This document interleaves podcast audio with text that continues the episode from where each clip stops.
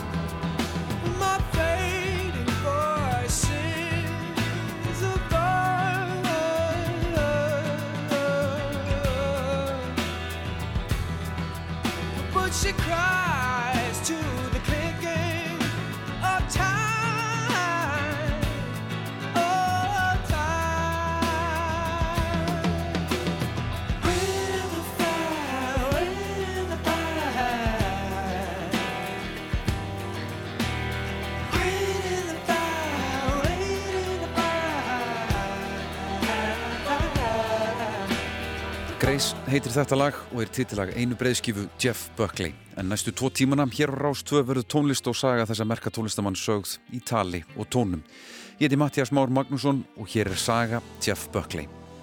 Nú einnig spjalla ég við nokkra Buckley aðdáðundur, þá Frans Gunnarsson sem staðið hefur fyrir fjöldan allan af Buckley heiðustónleikum síðust ár, Eithor Ingi söngvari og leikonan Unnur Ösp, en öll eru þau miklir Jeff Buckley aðdáðundur og hefur tónlist hans haft mikil áhrif á þau.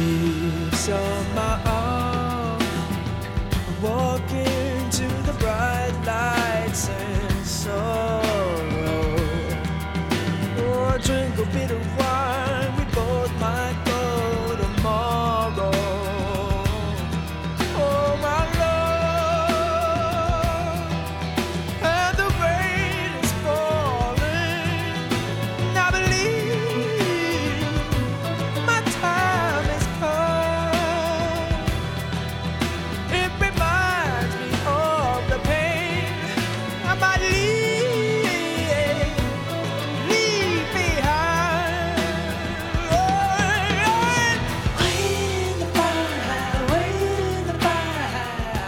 Eithor Ingi Gullangsson uh, Ég heyrði fyrst í Jeff Buckley.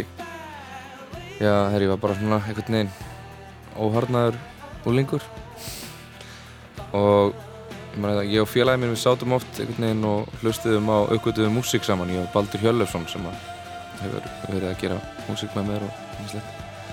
Sátum mikið saman einhvern veginn og, og vorum svona eigum svona mómenta sem við uppgötuðum fullt af einhverjum sem að hefur haft áhrif á mann sko, eins og Led Zeppelin og Beatlana og Doors og, og þetta allt saman. Aðalega bara eins að við vorum svo mikið að fyrkt í vínilplötu safni sem að pappa hans átti. Svo einhvern veginn þegar interneti kemur til tals að þá fórum við að lesa blöð á netinu tónlistar svona, music magazine og, og svona dót. Uh, nema hvaða að þannig að við vorum svona einhvern veginn alltaf að leita af einhverju sko.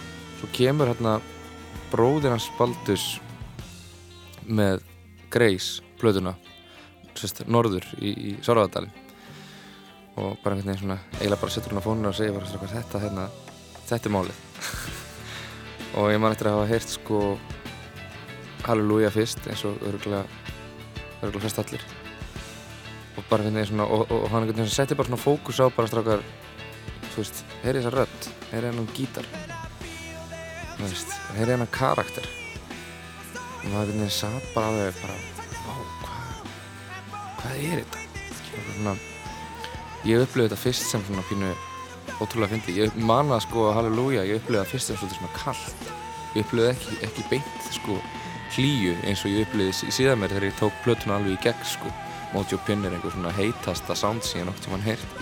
En einhver hluta vegna var mér svona kallt þegar ég hlusta á halleluja, ég veit ekki ekkur það var eitthvað við, eitthvað við en, en stál hljóm í, í telekastetnum og, og svona reverbi á vokalnum og þetta hraða víbrot og mann fannst þetta rosa svona sérstækt sko. Uh, þetta veginn var bara svona í haustum á mér en ég hérna man að ég gaf, gaf mér ekki tíma til að hlusta á plötuna. Það er ekki fyrir nokkrum árum síðar að ég sé þessa plötu í einhver plötubú á Akureyri.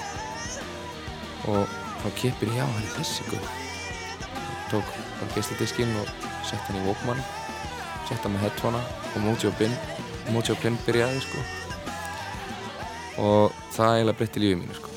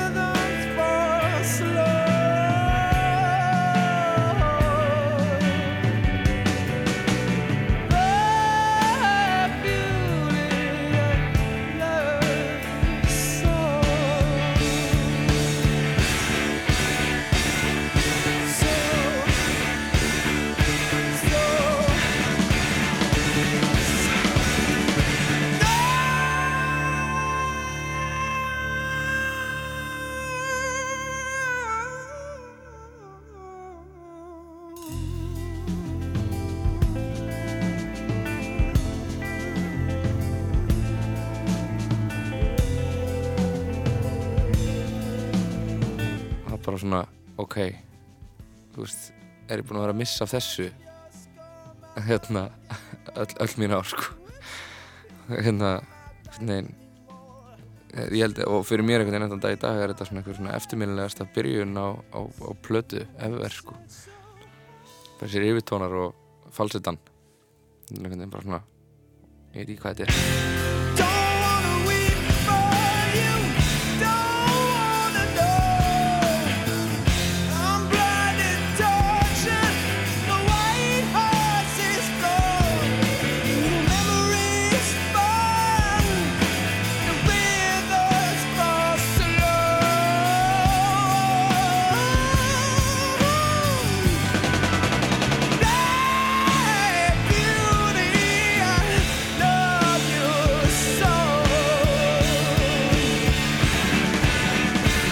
Buckley fættist 17. november 1966 í Anaheim í Kaliforníu fylki í Bandaríkjónum.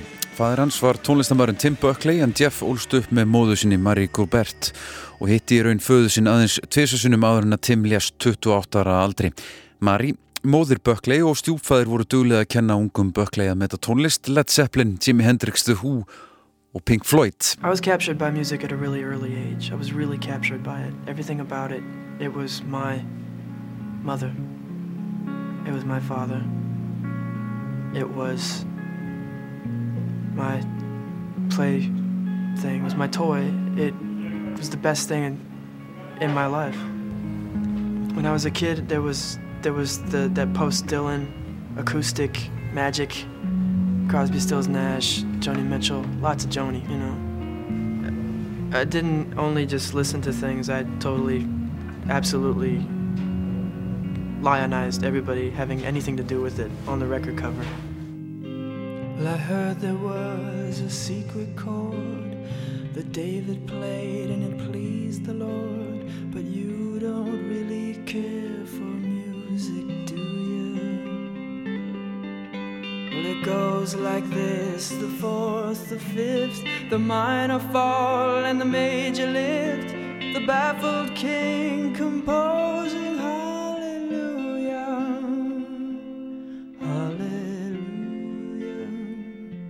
Þetta er sannilega eitt þekktasta lag sem að Jeff Buckley söng nokkuð tíman uh, Leonard Cohen-lagið Halleluja. Þetta kom fyrst út árið 1984 á uh, plötunni Various Positions frá Cohen. Gerði ekkert mikið í upphafi en uh, það var útgáfa John Cale sem að slóð í gegn og uh, það var svo útgáfa sem að Jeff Buckley heyrði fyrst og ákvaða að gera þetta laga sínu og við skulum fá Buckley sjálfan til þess að fræða okkur aðeins um ástæðana fyrir því af hverju hann hófa að syngja þetta Cohen-lag. Hallelujah is a Leonard Cohen song.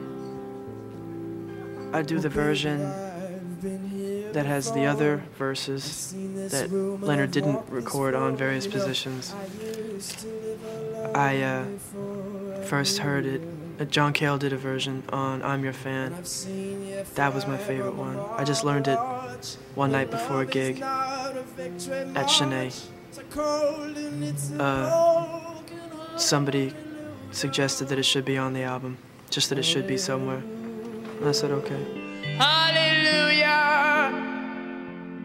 Hallelujah.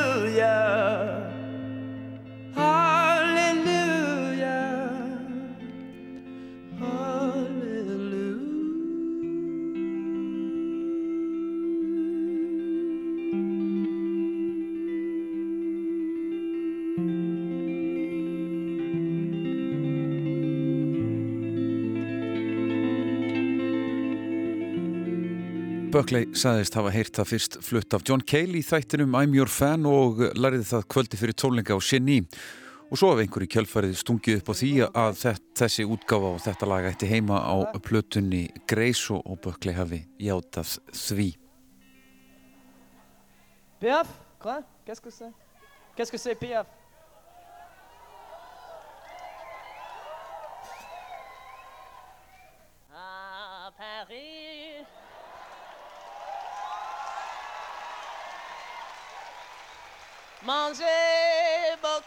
le fromage.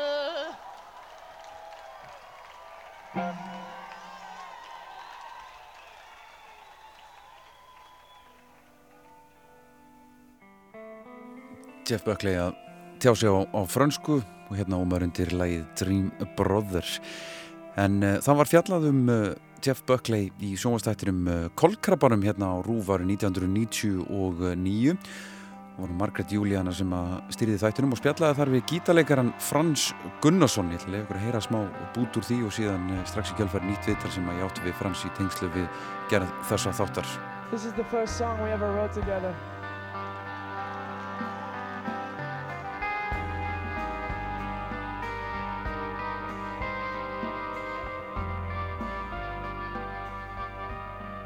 Halló, ég heiti Nanna. Og ég heiti Brynjar.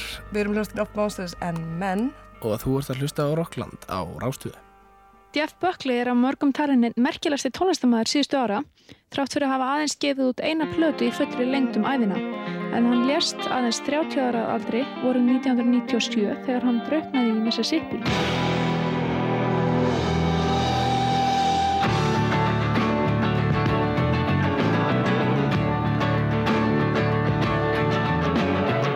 Náttúrulega röddina sem hann hefur alveg gífurlega sterka og, og mjúka rödd.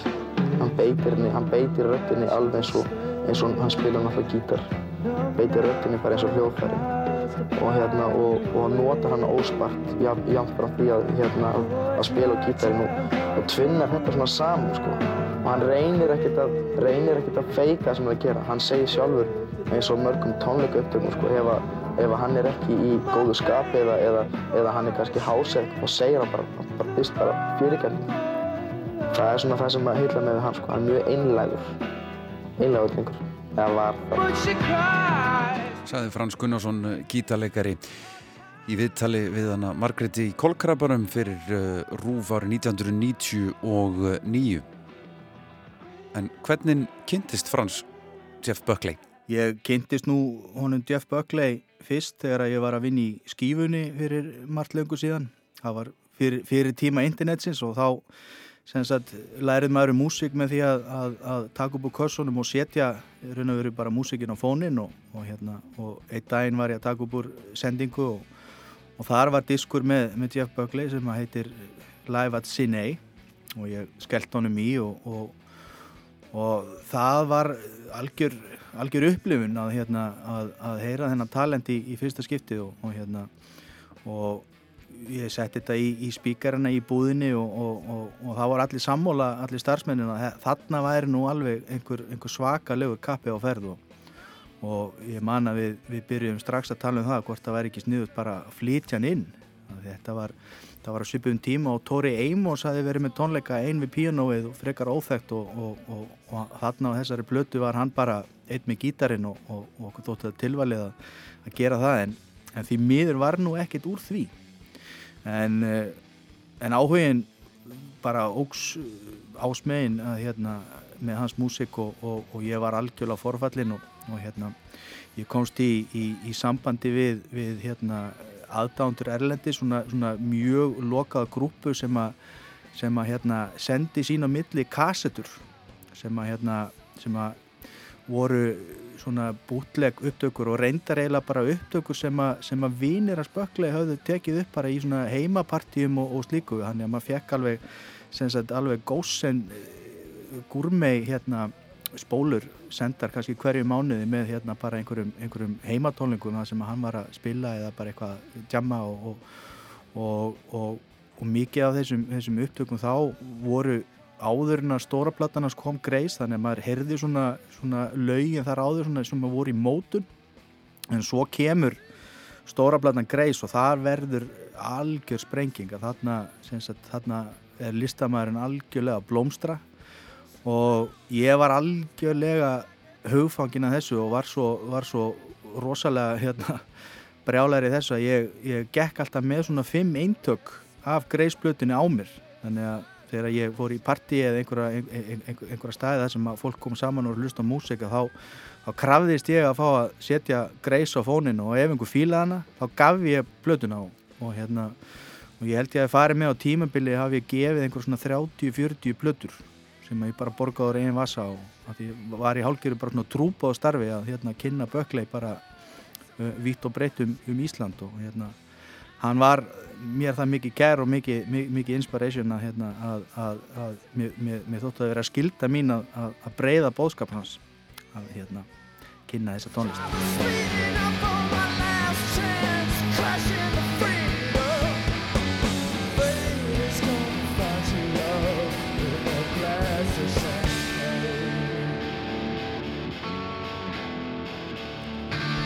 Já, æfi Jeff Buckley er, er hérna sem tónlistamanns uh, náttúrulega byrjar á því að hann er sonur, sonur Tim Buckley sem að hérna uh, var nú, var nú hérna, mikil stjarnar á, á, sínum tíma og, og, og mikil svona innovator í, í, í músiksennunni. En, en hann ólst ekki upp með pappa sínum og hann fekk í raun að vera ekki tónlistalegt uppeldi frá honum og, og í raun að vera þekkti hann ekki neitt Hans tónlistar uppeldi fekk hann frá stjúpföður sínum móður og, hérna, og móður hans sérstaklega hérna, var döglega að, að, að mata í hann góðri músik og, og, og gaf hann fyrsta gítarin og hérna, sem hann fjalli ástfóstu við og hann vissi það mjög snemma hérna, hann, hann skildi vera listamæður og tónlistamæður og þegar hann var orðin, orðin hérna, að úlingi og var orðin komið aldur til að þá reyf hann upp rótum og flutti til Los Angeles þar sem hann gekk í, í Musicians Institute að læra gítar og þarna var hann ekki þarna var hann ekki orðin söngvari. Þarna ætlaði hann að vera sko, besti gítarleikari heimi. Ég held nefnilega að Buckley hafi upplifað sér fyrst og fremst sem gítarleikara.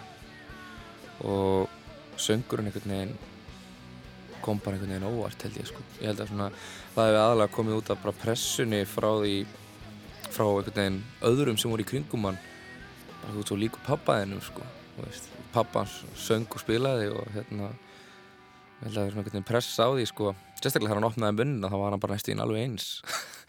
Þannig að hérna hann er einhvern veginn svona þó að fókusin hefði verið á gítanum og, og var mikið að, að á þessum tíma svona, hann var í metalböndum, hann var að spila svona Eddie Van Halen solo og, og, og, og Metallica og þetta svona þunga stöf og hérna en fann sig ekki þarna fannst, fannst hann ekki alveg passa, passa inn, í, inn, í, inn í þessa senu og var hann leiður á þessu og vildi pröfu hvað nýtt þannig að hann flutti, flutti til New York og hérna og byrjaði að, að, að vinna þar sagt, að sinni músik og, og bauðst að, að taka þátt í, í, í minningartónleikum um föðu sinn sem að, hérna, sem að hann var svona hugsaður um svona sem, sem eins konar leinivopp uh, það var, var umbósmaður pappans hérna, sem, að, sem að fekk hann til þess að, tróða þar upp í, í kirkju í New York og hann gjörsamlega stál senunu. Þessi tónleikar fóru fram í St. Anne's Church í Brooklyn í New York þann 27. apríl árið 1991 Tónleikandir báru yfir skriftina Greetings from Tim Buckley Jeff fluttilegði I Never Asked to Be Your Mountain sem Tim fadir hans samtíð um Jeff og móður hans. Lægið flutti hann á samt gítarleikaran Gary Lucas fyrir um gítarleikara Captain Beefheart en Buckley hafði verið meðlumur í hljómsveit Gary Gods and Monsters.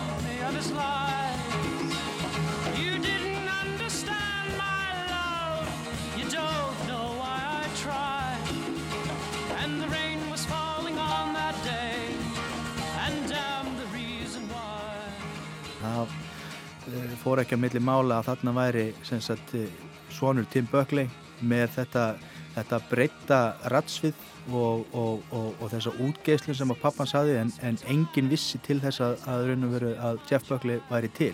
Og út frá þeim tónleikum að þá mæti segja að, hérna, að hans tónlistaferill hafi, hafi fæðist fyrir, fyrir, fyrir, fyrir vikið og hérna og sama tíma og hann var svona að, að, að nörðla saman í, í hljómsveit og, og, og, og semja sinni einn músík og koma út sem, sem söngvari. Þarna var hann búin að sætta sig við það að hann væri ekki bara gítarleikari heldur hann væri með þessa rödd og var að byrja að, að, að beita henni. Að þá var hann svona líka að opna sig gagvert svona sviðslífinu með því til dæmis að hann tók þátt í, í, í fluxusreyfingunni svo kallari sem er svona, svona listrætt gjörningur og þar var hann að pröfa alls konar hluti á sviði til þess að, að, að, að tengjast við áhærendur þannig að hann var svona að þróa sinn stíl svona, ekki bæðið sem tónlistamann heldur bara sem, sem performer og, og út frá því þá hérna öðlast hann sjálfströsti til þess að koma fram og,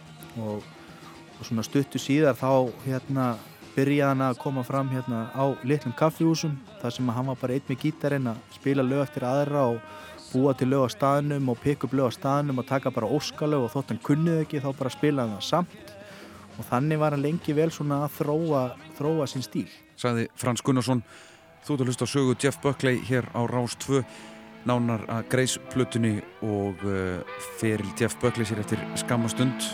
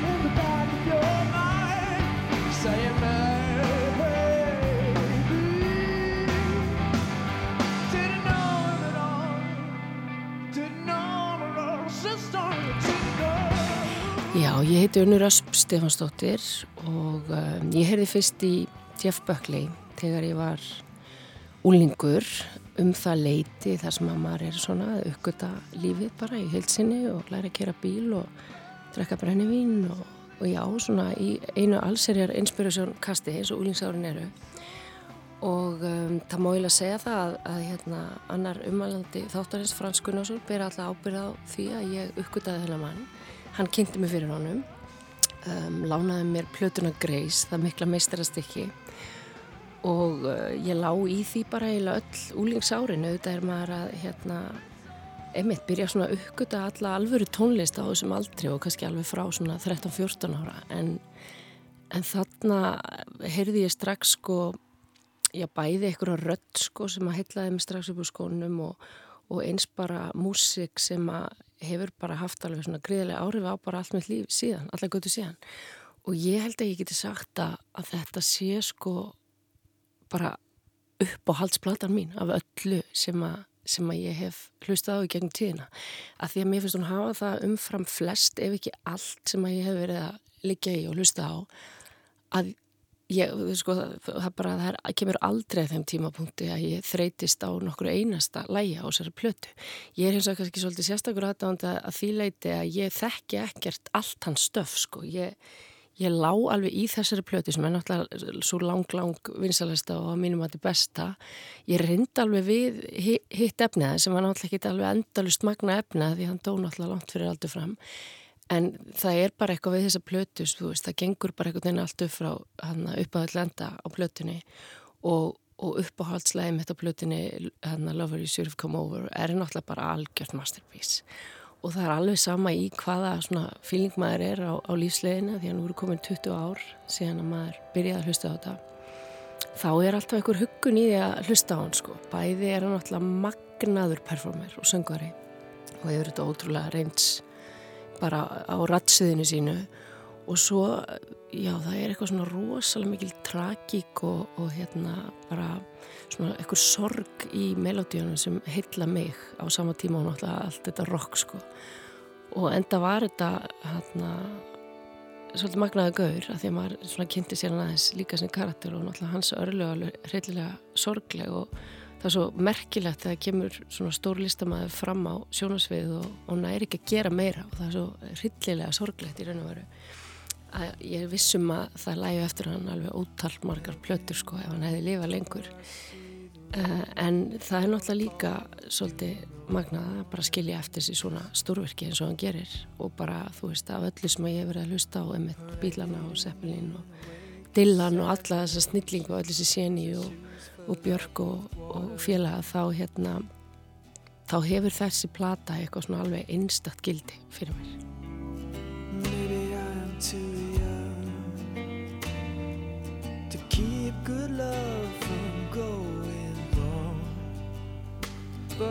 Tonight You're on my mind so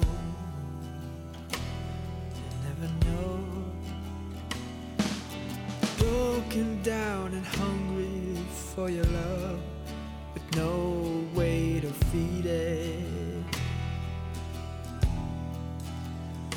Where are you tonight, child? You know how much I need it.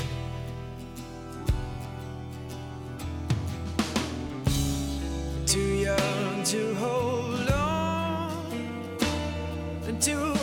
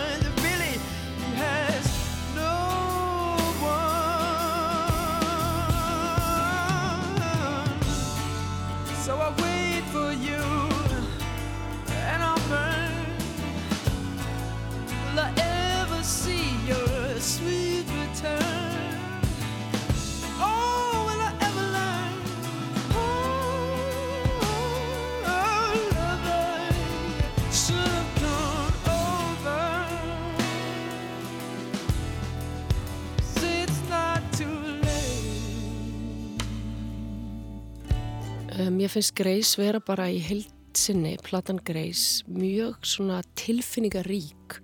Og náttúrulega þegar maður er úlingur og svona uppfullur af bæði sko, tilfinningum og hormónum og ójabægi og svona ofsalega leitandi og, og þú veist maður er í ást og ástarsorg og allt þar á meðli þá, þá er náttúrulega svona tónlist höfða til maður og svo náttúrulega er nostalgían í því að hafa uppgötað þetta á þessu aldri og þegar maður er á þróskast og takur svona mikið þróska þá er nostalgían í því að hlusta á aftur þegar maður er árið móðir, panna og þú veist það er eitthvað bara, það er eitthvað rosalega sterk tilfinning og mikil tilfinning að segja mér allir þessari tónlist.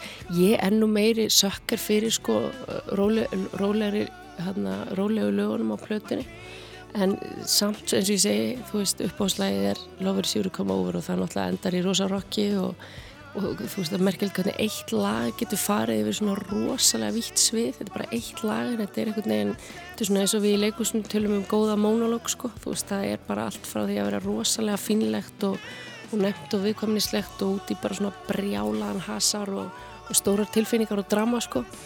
Þannig að þetta er bara, já, bara músík sem höfður alveg ótrúlega ríkt til mig og hún er líka hún ávið við alveg ótrúlega ólík tilefni. Þú veist, þetta, þú veist, ég sitt diskin alveg á bara þegar maður er einn á blús og svo líka og ekkert síður bara þegar maður er náttúrulega stemningu í matabóði og, og líka bara því að solbóði garði með börnin, það er einhvern veginn hún á alltaf við, þótt að sé svona svolítið myrkur í henni, þá er hún líka hefur líka mikið afþreyingu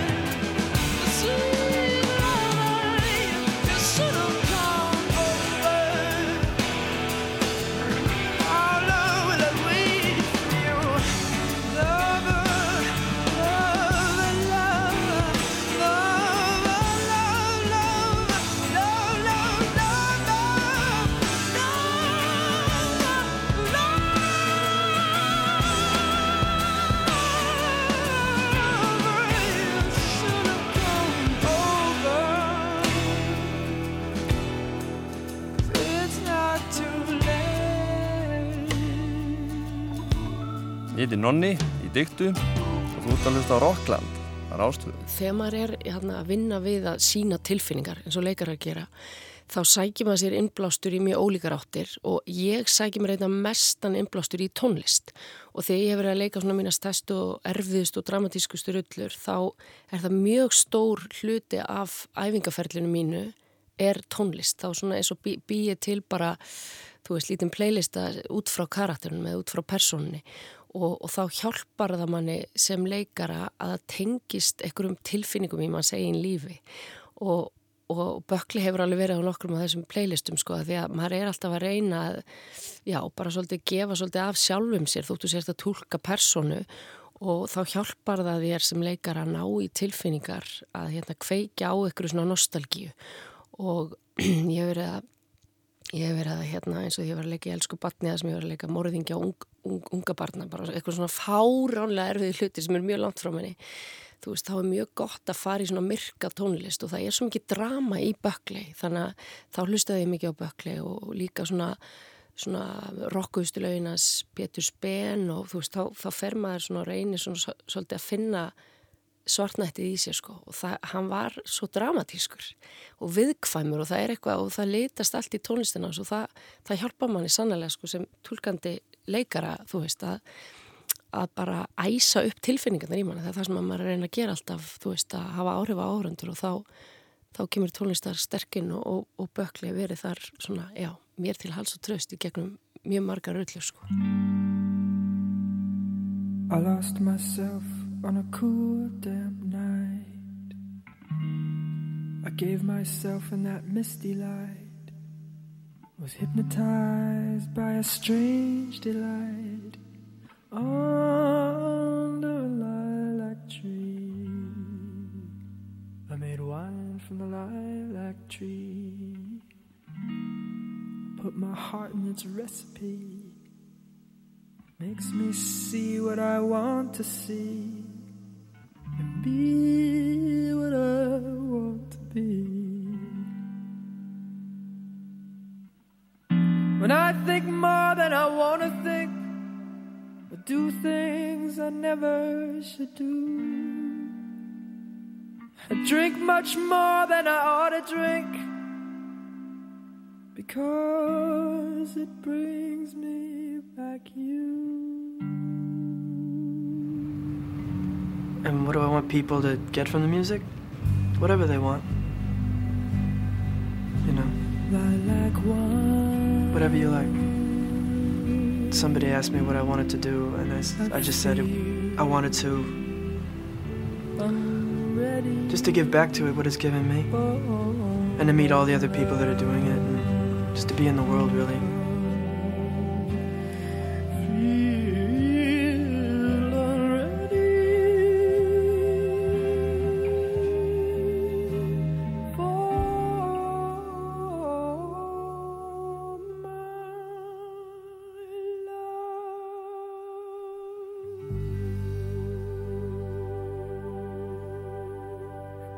Taktu bara út úr tónlisteiminni það sem þú vilt. Mér langar bara til að gefa tilbaka það sem að ég hef fengið. Í sóanstættinum Kolkrabbin sem var síndur hérna á Rúvari 1999 var viðtal við umbósmann Jeff Buckley, George Stein. En hvar kynntist George Jeff Buckley? I met him in the early 90s. I guess it was 90 and 91 uh, when he uh, came up to my office just to have me review a little um, a record development deal, um, which I didn't didn't particularly like for him, and I told him so, and he didn't and he didn't do it. Um, and then I went down to see him at just some um, little club he was playing at, and Jeff's talent then just um, just blew me away. Uh, he was had a beautiful voice. Uh, he played uh, the guitar like a genius. He had unbelievable charisma on on stage. And after the show, he told me the uh, the band was breaking up, and that was the last show they were going to play together. And I asked him if I could make some phone calls for him in the business, and uh, he said, "Why not? Sure." And um, I did, and he started playing on a regular basis at a little club called Sinead down in the on, on the East Village on St. Mark's Place. And to, to really to the to the industry and the music business's credit, at least in Jeff Buckley's case, it's not always like this, but at least in his case, people went down to see him, um, record company people, publishing people, industry people, uh, and they they got it. They just saw the, the, the pure talent George segist að hafa kynst Jeff snemma á tíundu áratugnum, hann uh, sá hann á, á tónleikum og í kjölfarið eh, heitlast af hæfileikum hans og, og einstakri rött. Jeff hafi tilkynnt George að hann væri að hætta í þessari hljómsveit sinni. George bauðist til þess að hjálpa honum og bókaði hann á eh, tónleika á Genie. Þar eh, kom Jeff síðan í kjölfarið oft fram og í kjölfarið eh, byrjuðu stóru blötufyrirtækina að taka eftir og byrjuðu að mæta á þetta litla kaffehús eins og Frans Gunnarsson segir svo skemmtilega frá hér. og svo kemur að því að, hérna, að, að það var ekki aftur snúið að, að, allir helstu plötu útgefendur voru mættir hérna á litla kaffihúsið í Sinnei þar sem hann var með, með vikulega tónleika og, og, og það er til fræga myndir þar sem að, hérna, að gatan er bara gjössanlega lokuð af, af eðalvögnum og limósínum.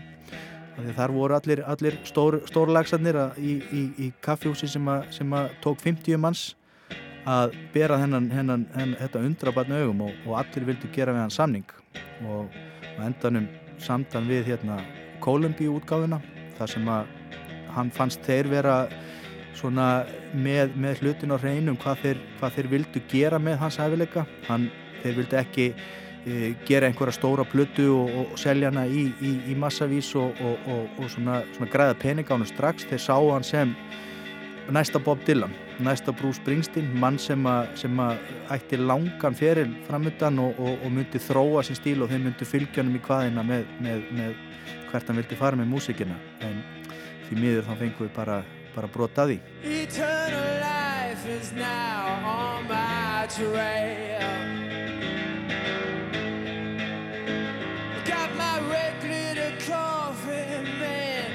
just need one last nail. Why all these ugly gentlemen play out their foolish game? As I flame in red horizon that screams our names. And as your fantasies are broken into Did you really think this bloody road paved the way for you? You better turn around and blow your kiss hello to life eternal angel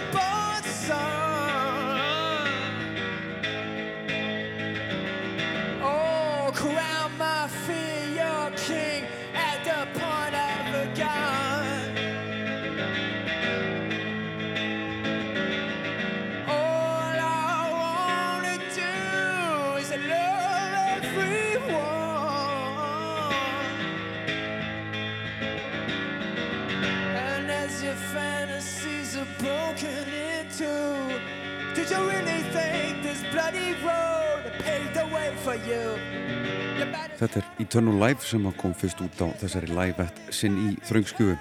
Shanae, I felt most comfortable at because the way Shane has it set up is that he doesn't want to make a bunch of money at it. He wants to just to be a very solid place. Doesn't want to. He, does, he never advertised. Uh, and anything can happen. And he gives artists, he gives people that come in like you know an hour to do something, two hours to do something. If you're prime time, you go on at ten and you go to midnight. And um, and that's what I wanted to do, like two hours. Just think of like, you know, it's like long distance running and or like playing in a football game and you totally run out of steam and then the moves you make after you run out of steam because you're totally unself-conscious you're not even thinking about the mechanics anymore the moves you make then are incredible Hérna lýsir Jeff því vel eh, af hverju hann valdi að koma svo oft fram á þessu litla kaffehúsi í New York. Mér finnst uppsetningin á sinni góð og það getur allt gerst á tónlingum þar. Ég fekk einnig að spila í tvo tíma.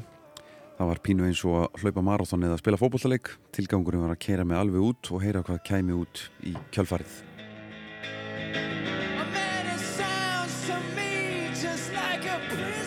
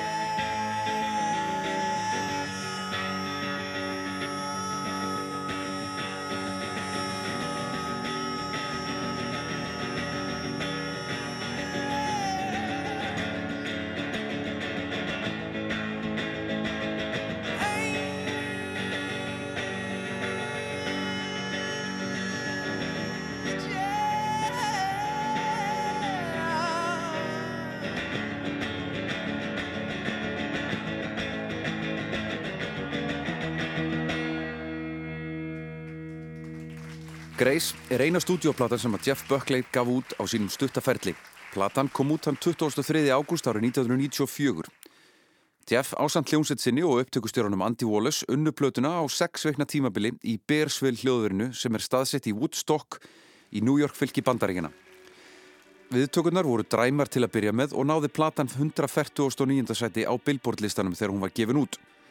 Jeff og hljómsveit löðust í Viking og fóru í tveggja ára langt tónleikaferðalag til að fylgja plötun eftir og það borgaði sig. Því hægt og rólega fóru tónlistarunundir og spekulantar að átta sig á hversu mikill hæfileika maður Jeff Buckley var. Í dag hefur Grace selst í miljónum eintaka og dúkar upp á listum sem tilgreina bestu plötur allar tíma í tímaritum eins og Rolling Stone, Q Magazine og Mojo. Eftir að hafa fyllt Grace eftir um heiminn þrautlaust í tvö ár fór að finna fyrir verkjuminna hljómsveitarinnar. Trommarinn Matt Johnson gafst upp á endalisum ferðalögum og hætti í hljómsveitinni. Jeff dróð sér í hlið og flutti til Memphis.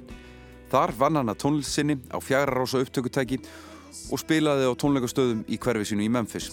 Jeff reyði nýjan trommara, Jeff Kindred og fekk upptökustjóran Tommy Verlaine úr hljómsveitinni Television til að aðstofa við upptökur á næstu breyðskífu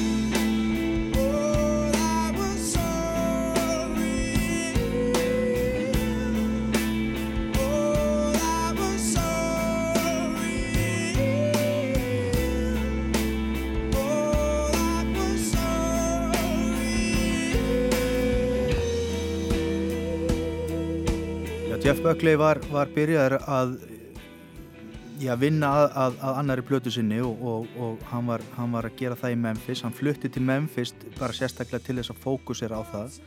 Hann, þegar hann ljasti þá var í raun og veru var hljómsettin veist, í, í flugi á leiðinni til Memphis og, og að fara í stúdíu að, að byrja upptökur á plötunni. Þannig að, hérna, þannig að að hann var komið með einhvern svona referensi í hva, hvað hann vildi gera og, og við fáum að heyra það á Sweethearted Drunk hérna, að svona vísir af því en maður mað veit aldrei sko hvað hann ætlaði að gera í stúdíunum hann einn vissi það bara sjálfur.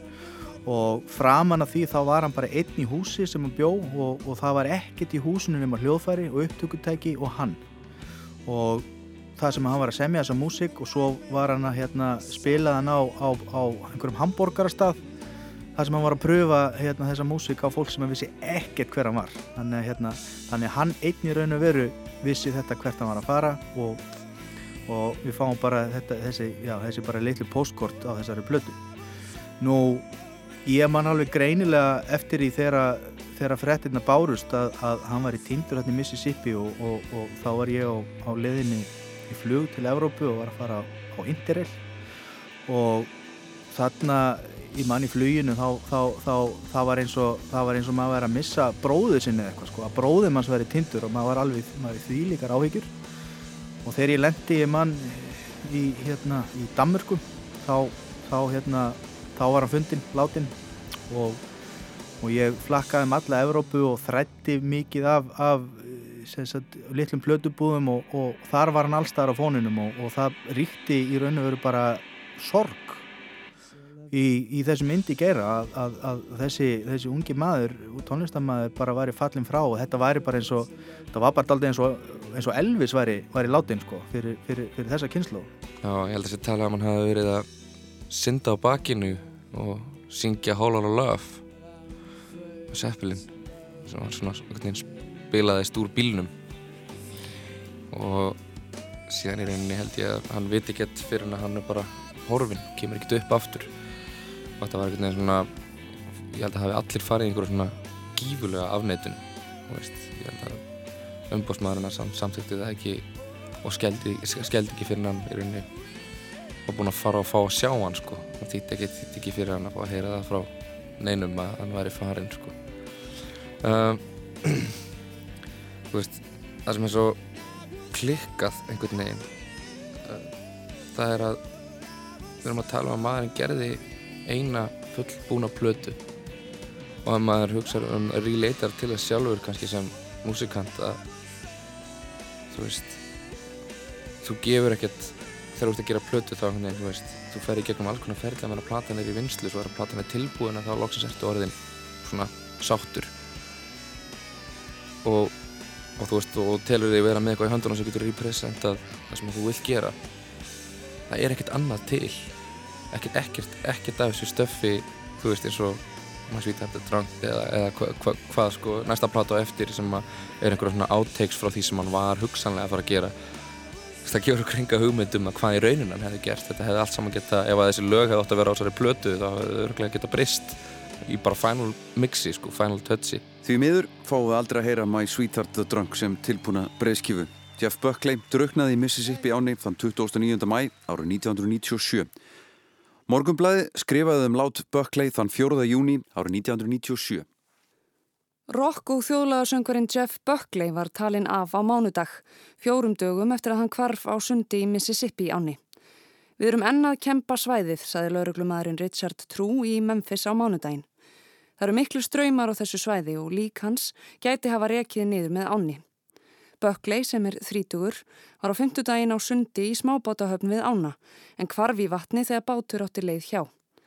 Vinur hans á Þurulandi tilkynnti kvarfið til lauruglunar. Jeff var stattur í Memphis við upptökur á nýri plötu sem koma átti út á fyrir hluta næsta árs. Liðin eru fjögur ár síðan hann sendi frá sér plötuna Grace sem vakti mikla aðtegli en áður hafði hann gert gardin frægan í næturklúpum New York borgar. Jeff er sonur Tims Buckleys sem náði hilli sem trúbátor á sjöunda áratugnum og fyrir hluta þess áttunda. Hann lést árið 1975, 28 ára af ofstórum skamti eiturlifi.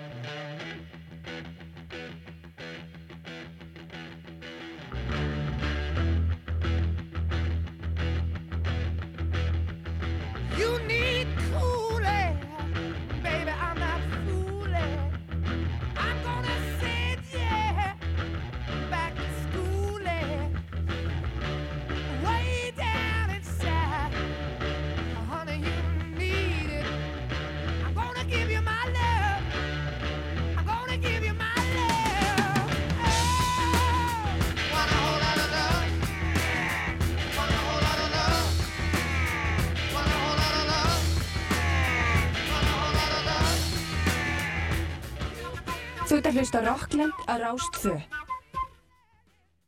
Við erum hljóðstinn Sigur Rós. Og þú ert að hlusta á Rás 2 Rockland. Alright, yeah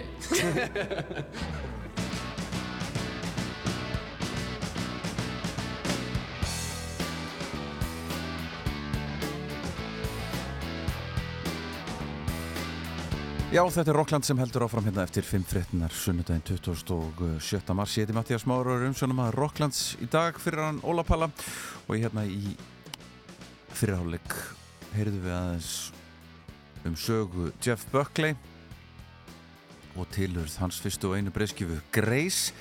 Næst ætlum við að kíkja á heiðustónleika til heiðus Jeff Buckley. Þetta eru tónleikar sem voru hljóðuritaði fyrir rástöðu þann 18. september ára 2014 á Gauki á Stöng eins og hann hétt þá. Og þess að Buckley heiðusveit skipuðu þeirri Frans Gunnarsson á gítar, hann var einnig tónlistastjóri. Bjarni Þór Jensson einnig gítar. Kristinn Snær Ragnarsson trimbill, Birgir Kárásson spilaði bassa.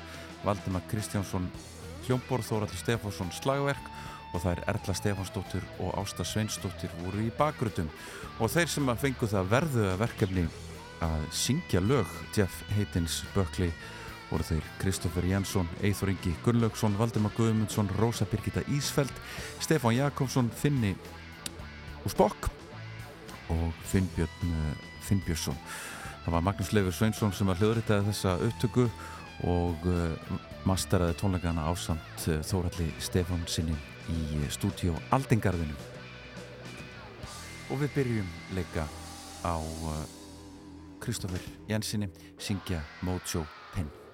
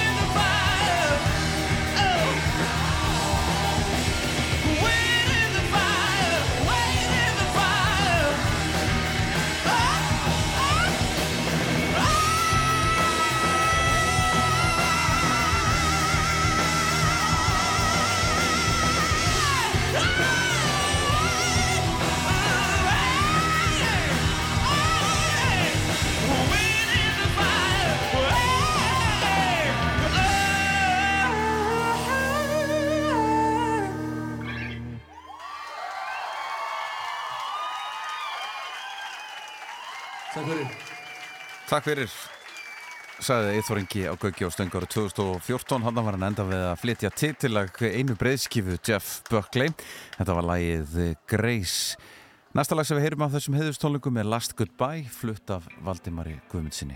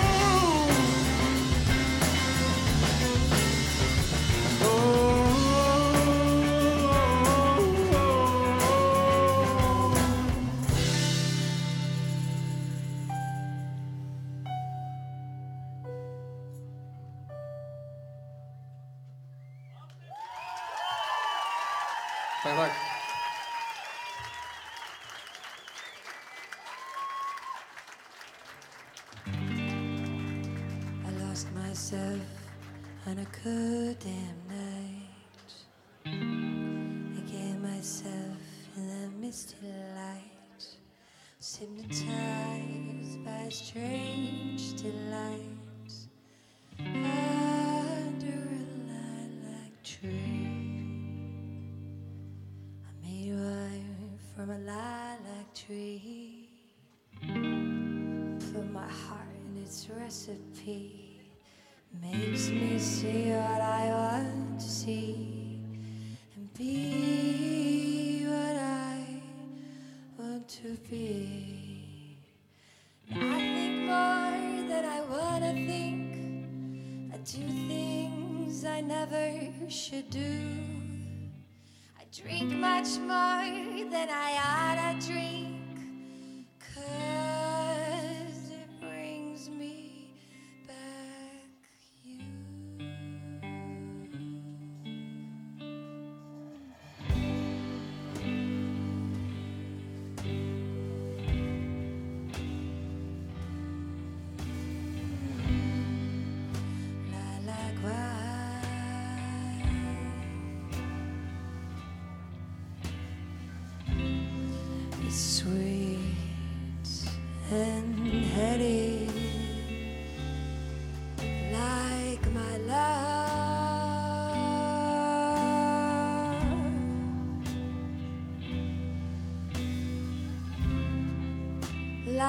Lilac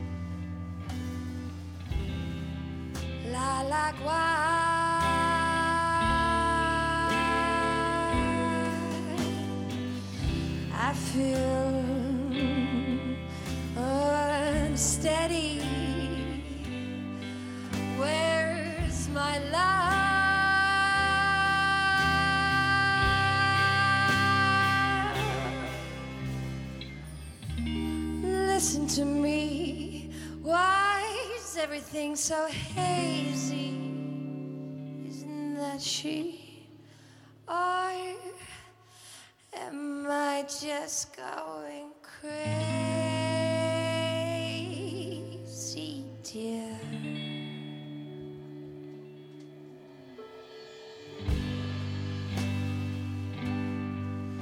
Lilac wine,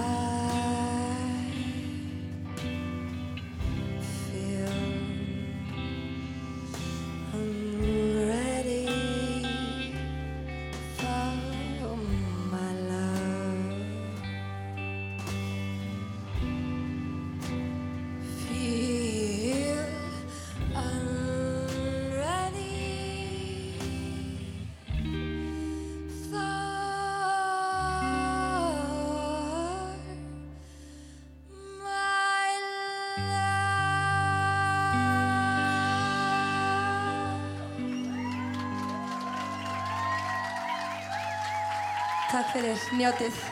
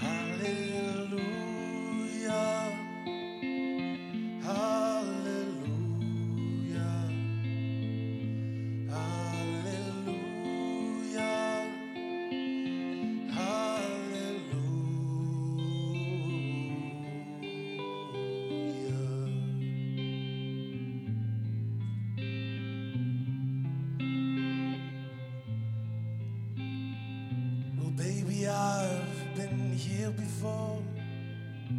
I know this room and I've walked this floor. I used to live alone before I knew you.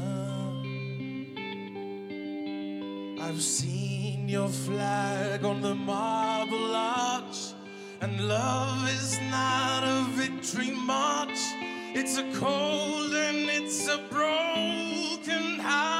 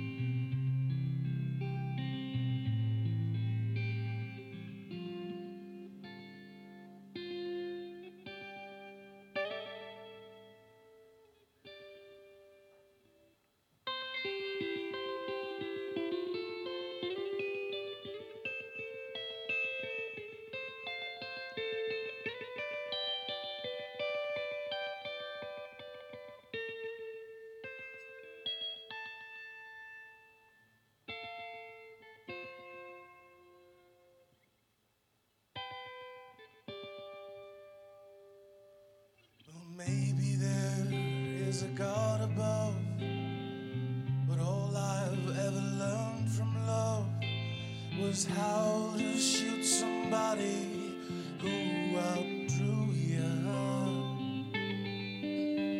And it's not a cry that you hear at night, it's not somebody who's seen the light.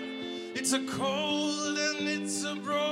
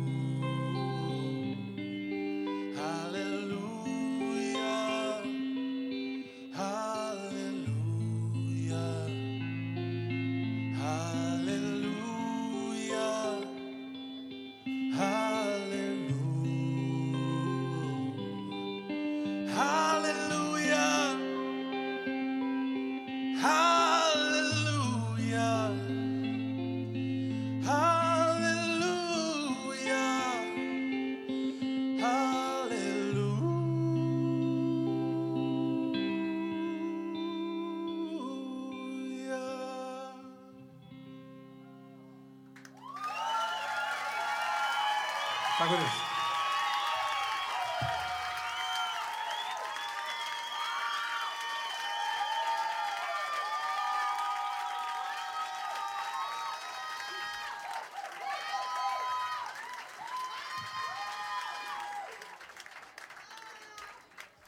Valdemar Kumundsson og mögnuð útgáða af Coen-læginu Halleluja eins og hún hljómaði á eh, Grace Blötu Jeff Buckley og undan því heyrðu við Rósi Birgitu Ísveld flytja skemmtilega útgafu af Lilac Vine. Næst er aftur Kristófur Jensson, hann syngur hér Lover You Should Have Come Over.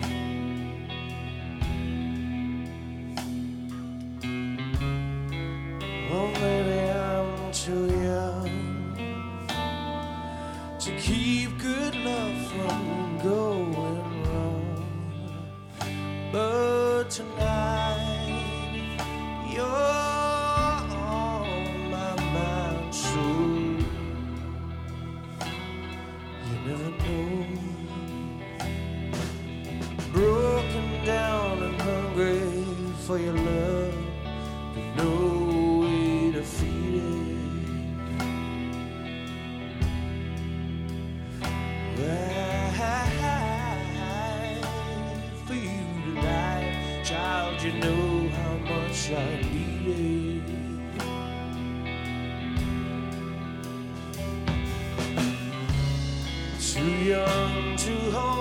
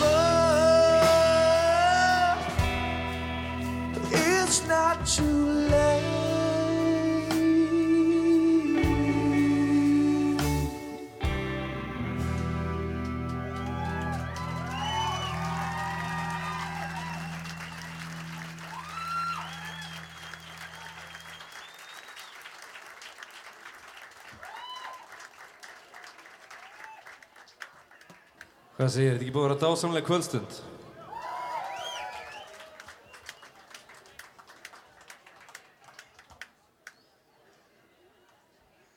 Ég er svona eiginlega næst í skammarspín fyrir að voga mér að syngja næsta lag. En bara, þetta er, þetta er eitt af mínum uppáhaldsmomentum á blöðunni, Grace.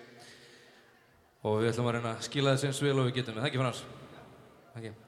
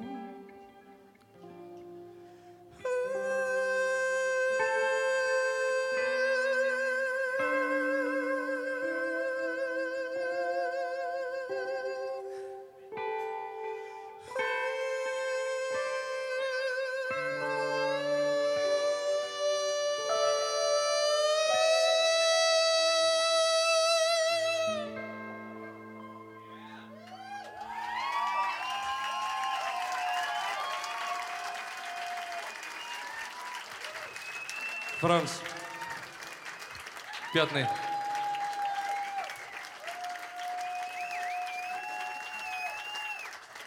Так.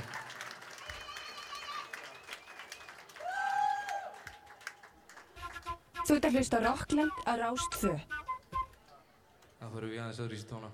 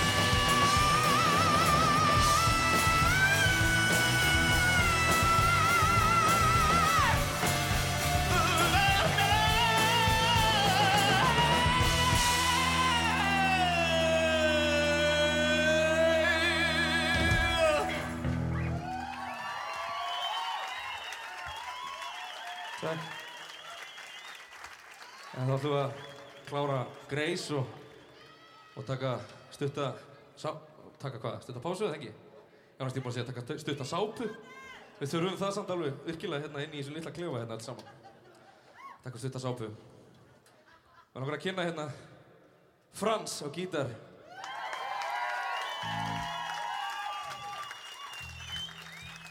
Biggi Kára, bassafattur, gefa hann gott klapp.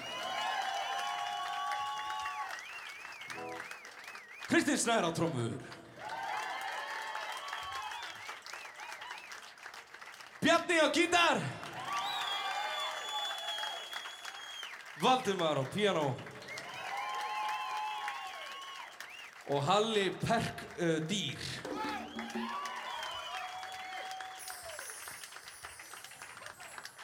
Jésúri. Svo erum við hérna með indislega bakgráta söngkonur. Erla hérna til vinstri lengst. Ása hérna lengra til hægri. Ásta, ég sagði Ásta. Jésús minn, ég býði bjór. Nei, ég býði ekki bjór, ég býði vatn, kók, svala, hæsi. Þið tegð þó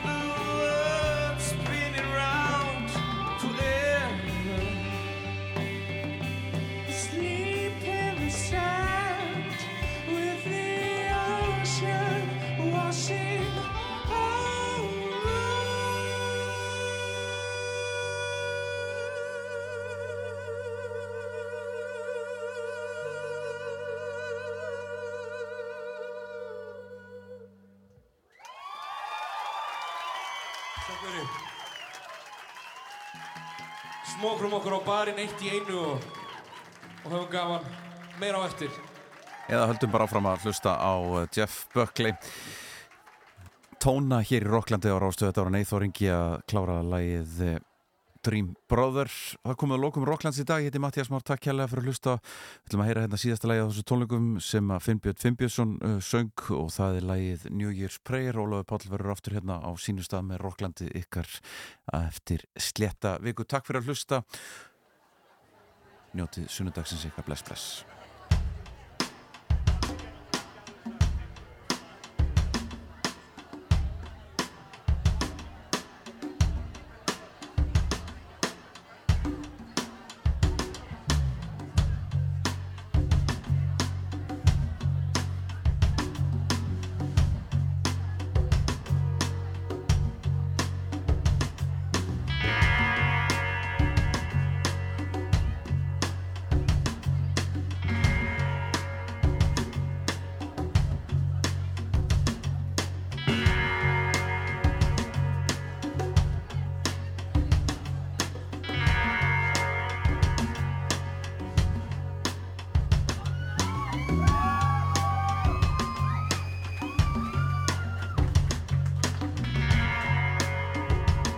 Góða kvöldi. Velkomin aftur eftir pásu.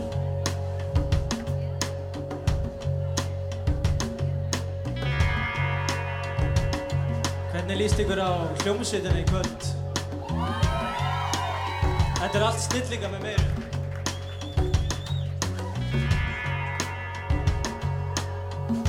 Þeir vilja kalla sig Jazz Buckley.